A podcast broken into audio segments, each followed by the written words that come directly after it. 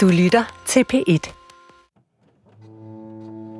Det er december 1956. Årets sidste måned skal Svend nok en gang opleve på Livø. I flere måneder har han ellers forsøgt sig med en brevkampagne, stilet til overlæge Vilkenskov. Mm-hmm.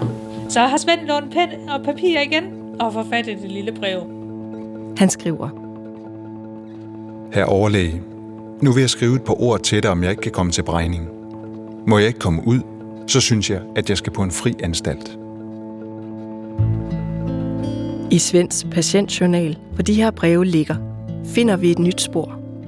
Vi læser, at der formentlig er lavet en aftale.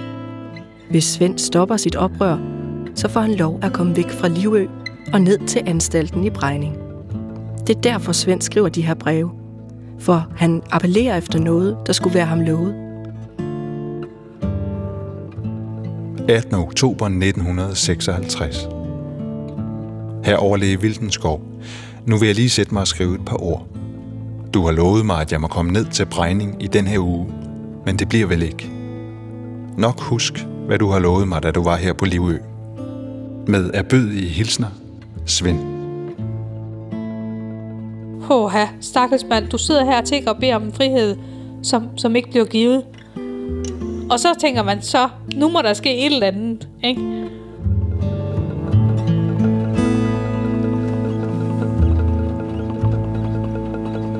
Den 4. december 1956 får han meldingen. Han udskrives definitivt fra den ø, han i 25 år har kæmpet for at komme fra. Svend finder den trækiste, som alle anbragte har til at opbevare og transportere deres få ejendele i. Han pakker sit tøj, sine sko, sin tobak og sejles til fastlandet.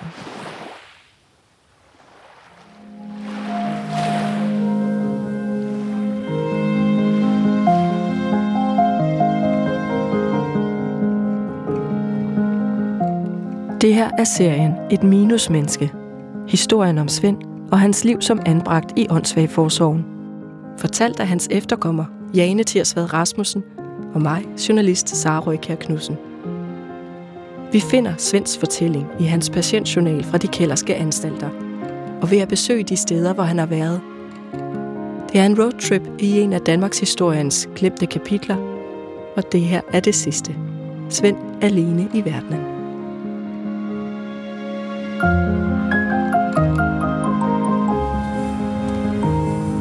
Hvad sagde du? Jeg siger wow. Jane og jeg ruller ned ad den bakke, der er ned til det, der engang var pavillonen for mænd på åndssvageanstalten i Brejning. Den ligger helt ned til vandet, til Vejle Fjord. Stor og prægtig. Hvidmalet med rødt tegltag. Hold nu op. Det er mandshjemmet, det der. Det er mandshjemmet.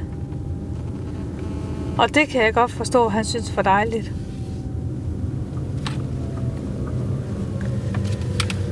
I dag der er det sådan nogle øh, øh, privatboliger, altså en beboerforening. Ja. Men jo noget mondant, ikke? Hold nu op, ja. Og vi, vi må ikke holde lige foran, så jeg kører lige herned, så holder vi her. Wow. det er faktisk i december måned. Det er nærmest op til jul, at han får at vide, nu er der plads ja. til dig på mandshjemmet i Prejning. Det man ved, at dem, der boede på mandshjemmet, var beskæftiget med, det var værkstedsarbejde, altså som at lave sko, eller arbejde i smedjen, eller i den dur. Ja. Øh, hvad kunne du egentlig godt have tænkt dig at vidst sådan om ham på det tidspunkt i, i hans liv? Om han egentlig måske finder lidt den ro, han har søgt i de 25 år, 26 år, han går på livet. Om den nu falder over ham. Ikke? Den her frihedstrang. Om den egentlig, egentlig bundfælder sig, da han kommer hertil.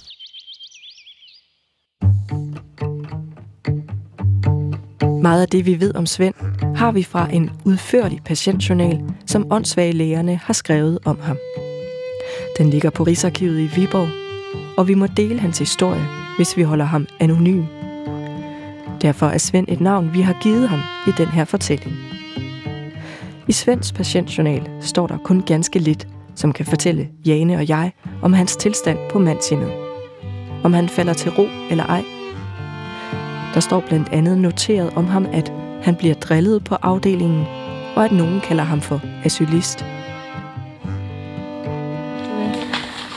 Nej, det, det bryder han sig ikke om. Nej. Nej, de må heller ikke kalde ham åndssvag. Det vil han heller ikke. Og så forsøger han igen at komme ud i familiepleje på en gård, men kan ikke klare arbejdet længere. Han beder om at komme hjem og bo hos sin far. Men hans far bor ikke længere i huset i Ørting Mose. Det gør til gengæld hans bror, og han vil ikke have ham boende i mere end otte dage. Det er sådan cirka det, vi ved om Svends liv i de år, hvor han bor på mandshjemmet i Brejning. Øh, men vi ved faktisk også, at øh, det her han også ender med at dø. Men der er vi ikke kommet til endnu. For årene går, og da Svend er 52 år og har boet på mandshjemmet i Brejning i syv år, sendes han på hvilehjem. En form for plejehjem. Man kan ikke forlis med reglerne om, at man blandt andet ikke må ryge under maden, og han pendler rundt til forskellige hvilehjem i fire år. Der er mange mennesker, der har givet ham en chance. Ja. Mange steder, der har givet ham en chance, og som øh, han forsvinder fra eller øh, Ja, bliver uvenner med. ja, fordi han går igen her. Utilfreds med forholdene på stedet Bob gik Sonnys lørdags frivillige hjem. Han må have skuffet en masse mennesker også. Ja, hold fast, hvor har han da godt nok bare trukket veksler på folks tålmodighed. Vi finder altså ingen beviser for, at Svend finder fred og ro i livet. Og i 67 skriver han et brev, som fortæller, hvordan han har det inderst inde. Her overlæge, jeg vil lige høre dem, om jeg ikke må få min frihed og min ret tilbage. Det er mit højeste ønske. Jeg ved, at hvis det er det, de vil, så sker det. Jeg vil prøve et liv i frihed. Jeg skal nok gøre mit bedste. I håb om, at de vil høre mig, slutter jeg med venlig hilsen og meget agtelse.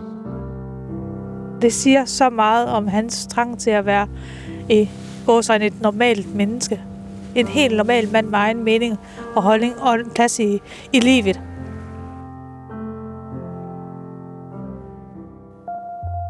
Brevet lander på et tidspunkt, hvor Danmark og hele verden er en rivende bevægelse.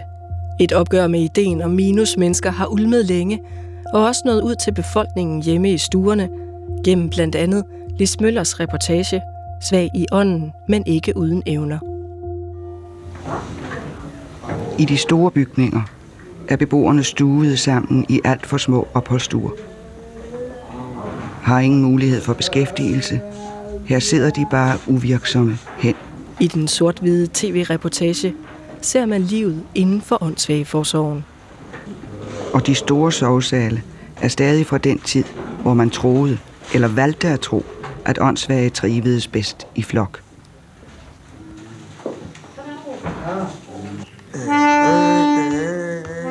Der er 120 børn på Rødbygård. Her kniber det som overalt inden for institutionerne med personale.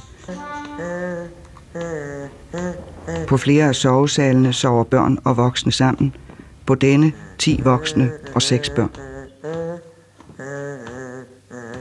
Det er et hvert menneskes ret at have et hjørne af verden, der er deres eget.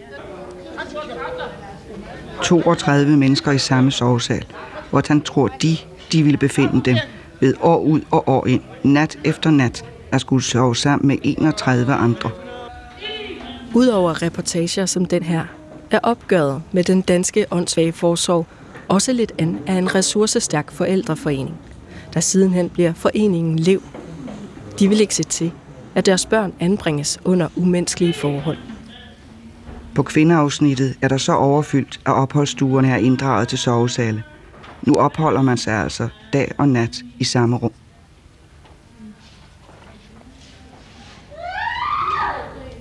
Den samlede kritik af systemet i åndssvageforsorgen forplanter sig.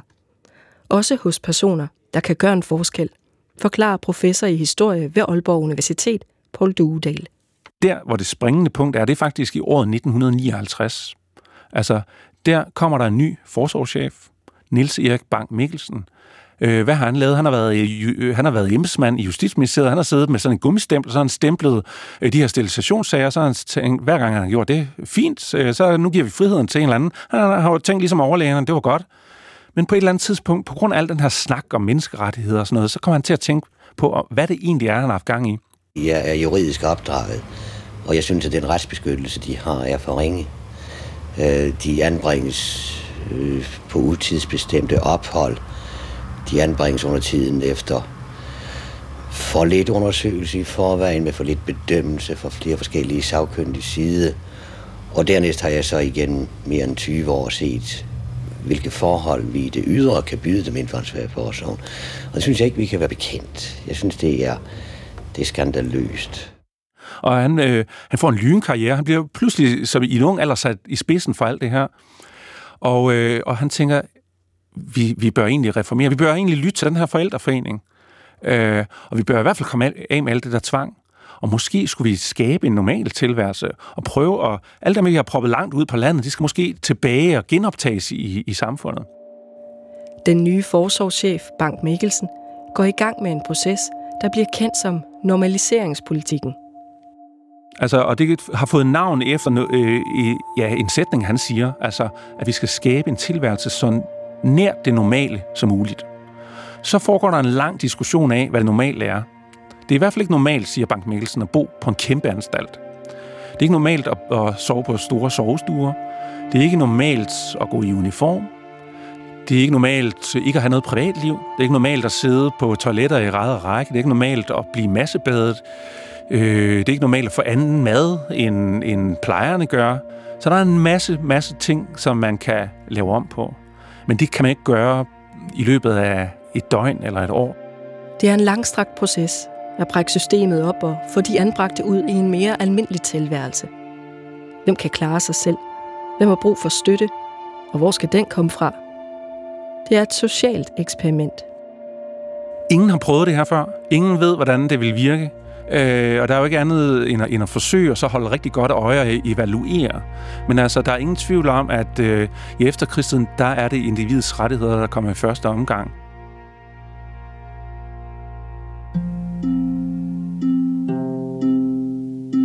I 1973 slår afviklingen af åndssvageforsorgen igennem for Svend. Han får sig et nyt sted at bo. Ægtved Kommune. Ja, forskudsopgørelse. Det er der skattepapirer. Så har han lige pludselig kommet i egen bolig. Hold nu fast, mand. Og skal selv øh, ordne skat. ja. Så er man virkelig blevet voksen. så er man virkelig blevet voksen, ja. Hold da op. Men det er simpelthen øh, skattepapirer på hans egen adresse. Ja. Med en tilkendt invalidepension i hånden får Svend lov til at flytte ud af institutionsverdenen og ind i sin egen lejlighed i Horsens. Det er her, han bliver den frie mand, han så mange gange bønfaldt om i sin breve til Vilkenskov. Men en ting er at få en fri tilværelse. Et andet er at skulle administrere den, når man har tilbragt mere end halvdelen af sit liv i systemet.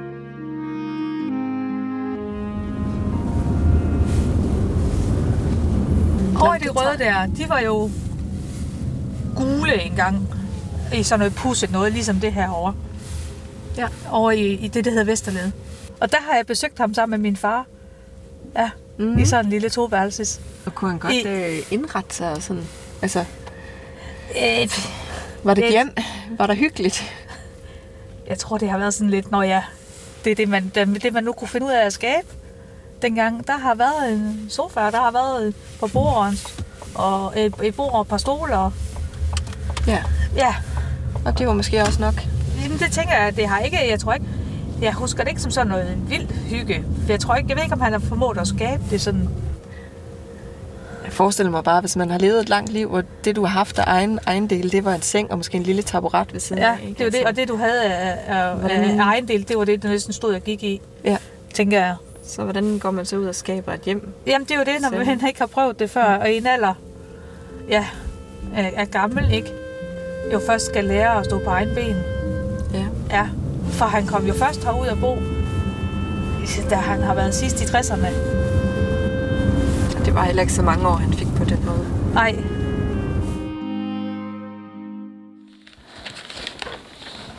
Og for mandens hjem. Mens vi har trævlet os igennem Svends patientjournal på Rigsarkivet i Viborg, har vi lært, at historien om ham findes i alle mulige typer af papirer. Og da vi er ved at være godt igennem bunken, falder vi over et særligt et. Så har jeg så været i sparmarkedet. Alt i kød og pålæg, mælk, dag og ugeblade. Stort udvalg i vin og spirituosa. Og så har han simpelthen haft beregning derhen. Så han har selv været ude og købe ind? Den 15. oktober 1974 har Svend været ude og købe ind i det lokale sparmarked. Kvittering for hans indkøb ligger af en eller anden årsag også opbevaret i hans patientjournal. For os er det et ganske vidunderligt lille papir at finde, for vi kan læse, at Svend nu ikke tiltales patient nummer 1037 i papirerne, men han tiltales her. Vi kan også se, hvad han har købt, og det vidner om, at han for en gang skyld har kunne gøre lige præcis, som han havde lyst til. 12 kroner. To stykker ananas har han været nede og hente. Jeg købte ananas. Jo, jo. Ej, er det mig, der kun synes, det er lidt finurligt, at en mand, der endelig får lov at selv at købe ind, han går ud og køber to ananas. Ja. Og så går han hjem igen. Og så går han hjem igen. Der står simpelthen, at han har været to ananas. Ja, det synes jeg da egentlig, det er der. Og, ja, meget sygt. Det havde han lyst til, og Ja. nu kunne han gøre det. Og nu går han godt. Han har været nede og købe ananas. Det er da egentlig lidt finurligt. Jeg kan lige se ham så stå og gå med de her ananas hjem i lejligheden og skære dem i stykker og sidde og spise dem med den største velbehag. Jeg kan lige se ham, fordi han er lidt, lidt den der, ej, det er godt det her. Ja, Og spise begge to på en gang. sikkert. sikkert. Det føles rigtig godt at dvæle ved det her billede af Svend, hvor vi forestiller os, at han føler frihed. For i virkeligheden bliver han aldrig helt fri af forsorgens lænker. De er simpelthen for svære at bryde helt. Det var de for mange. Jeg tror, det har været angstfremkaldende. Man nedlægger en anstalt. Øh, jamen, øh, hvad er man så? Altså, øh, du har jo alligevel hele din identitet. Øh, du, du har været noget i andres, de andre anbragtes øjne. Du har haft en særlig rolle ude i det lille samfund i samfundet. Nu er du ingenting, og du er ikke kendt af nogen, og du bliver ensom. I patientjournalen finder Jane og jeg en notits fra 1975 om, at Svend føler sig ensom i sin lejlighed og nye tilværelse. 65 år gammel. Og han kan stadigvæk ikke øh, omgås sine naboer. Konflikter ligger meget i sengen. Altså, han har det bare ikke ret godt ved at bo selv. Det er det, han hele tiden er hittet efter. Men han kan ikke finde ud af det. Videre i papirerne står der, at han gerne vil tættere på centralinstitutionen, altså den i Brejning. At Svend et par dage senere tager en taxa dertil. Men hvorfor nu lige sådan en god vending? Så hvad sker der? Det er noget kuriøst for os at læse om den her udvikling. At Svend tager tilbage til den institution, han har higet efter at komme væk fra. Vi finder svaret længere nede i bunken, Så kommer det helt spændende papir her. men først må vi beskrive et særligt brev, som Svend modtager i 1980. Jamen for sådan altså. Udlægningen af åndssvageforsorgen til amtskommuner og kommuner træder i kraft den 1. januar 1980. Det vil således betyde, at åndssvageforsorgen ophører med at eksistere, og at du ikke længere er registreret her. Den hjælp, du modtager vil fra 1. januar 1980 blive ydet af amtskommune og kommune. Med venlig hilsen, H.O. Vildenskov, socialleder. Så tænkte jeg bare, hold op. Nu er han, ikke, nu er han i gåsøjne ikke åndssvag mere i den forstand. Nu er han ikke underlagt åndssvag for sorgen. Men der er nogle hjælpeforanstaltninger, han kan få hjælp hos, hvis han ønsker det. Så det er retorikken, du meget sådan lige blevet mærke i. Det er den her med, før retter du ind efter os. Nu henvender du hjælp, eller henvender dig hos os, hvis du har brug for hjælp. Det må være vildt at bare få sådan et brev ind af, Ja. ja. af sprækken en dag. Ja. Jamen, øhm, det du har kendt altid, det ophører med at eksistere. Det- Nu ja. er Du kom til os øh, som 20-årig i 1931, nu skriver vi 1979. Vi har fået et nyt menneskesyn, og nu kan du jo så komme og få hjælp hos os, hvis du synes, du har behov for det.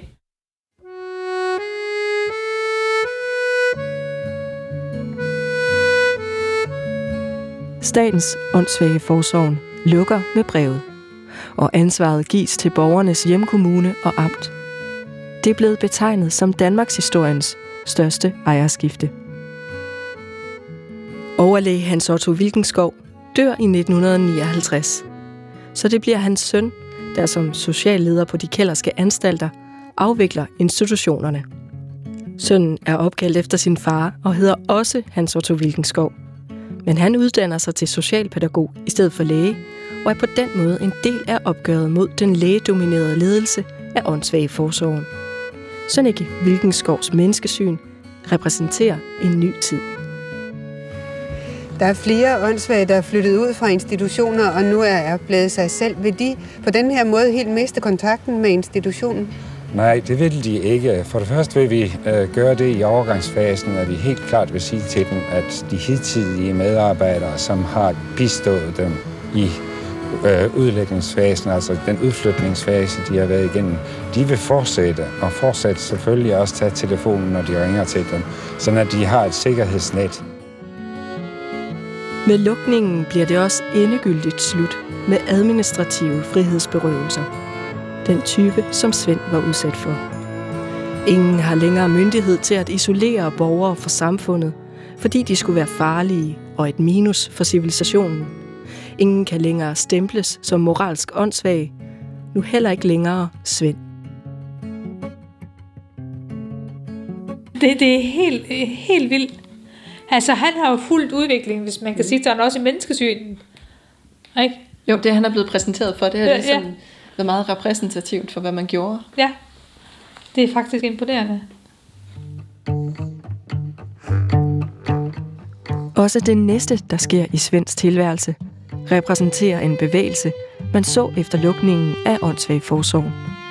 Et udfald, som man måske ikke havde regnet med. De tidligere anbragte søger tilbage til centralinstitutionen. Tilbage til Brejning. Tilbage til moderanstalten – en dag tager Svend en taxa tilbage. Brejning fungerer nu som et botilbud for mennesker med særlige udfordringer under amtet.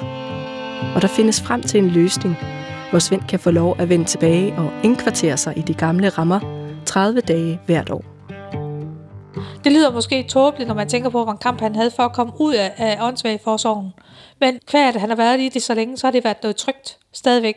Altså, man kan næsten sige Stockholm-syndromet det, der, der har været det fange, til fangetal i hele livet, det er faktisk også det, man kender som trygt. Jane kan huske, når Svend benyttede nogle af de dage, som han var bevilget til aflastning. Hvordan man snakkede om det hjemme i familien, hjemme i Janes farmors stue. Der kom han samtidig, at nu, nu skal jeg på ferie, og så vidste vi godt, det skal han ned på brændingen. Og så tog han jo herned, og jeg kan da godt forstå, at han gerne vil herned i gudsmukke omgivelser. Altså, så har han lige været nede og lavet op, og så har han kommet hjem igen. Øh, vi ved faktisk også, at øh, det her han også ender med at dø. Det er jo faktisk næsten den sidste side, eller hvad? Øh, ja, det tror jeg. Nej, jo, Nej. står der? Der står en melding. 1984. Der er han død på afdeling A2. Der står faktisk her, hvordan de har fundet ham død. Mm. Ja. Faktisk lige så stille og roligt. Han er gået i seng, og så har han ikke vågnet igen. Man må sige, det må være stille og fredeligt. Og en rar måde at komme herfra. Og han har været der, hvor han har været tryg på brændingen. I en alder af 74 år. Mm. Ja. Ja. Ja. Så det system, han har kæmpet for at komme ud af, det er faktisk der, han dør også. Men han dør der, hvor han har tryghed i det. Fordi han selv har valgt at komme der. Det synes jeg egentlig er, det er en fin afslutning.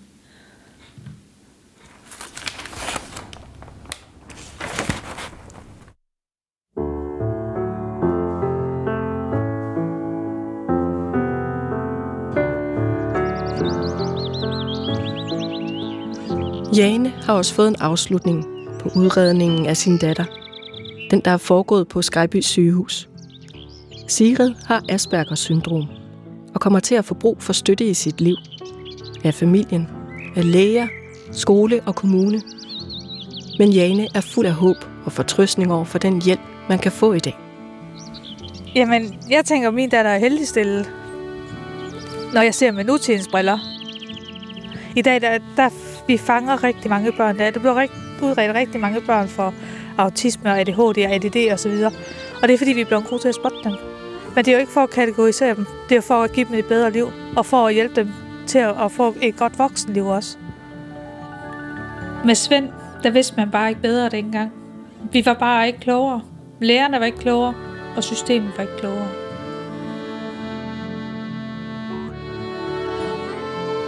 Ja, jeg tror faktisk ikke, der er flere næsten overlevende efterhånden, der har været på Livø. Og der er jo ikke, heller ikke mange af dem, der har været på, på Sprogø tilbage. Så de kan jo ikke selv fortælle deres historie. Men os, der er tilbage og husker de her mennesker i live, vi kan jo fortælle deres historie. Og være et livsvidne.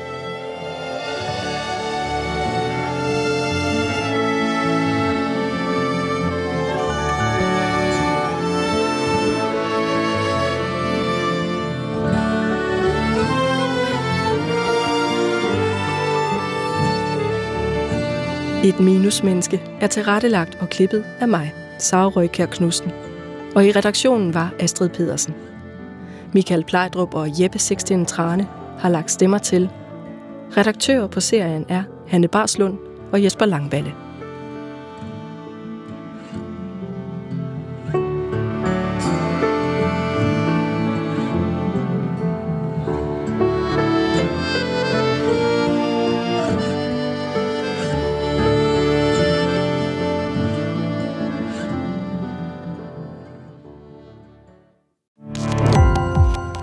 Gå på opdagelse i alle DR's podcast og radioprogrammer. I appen DR Lyd.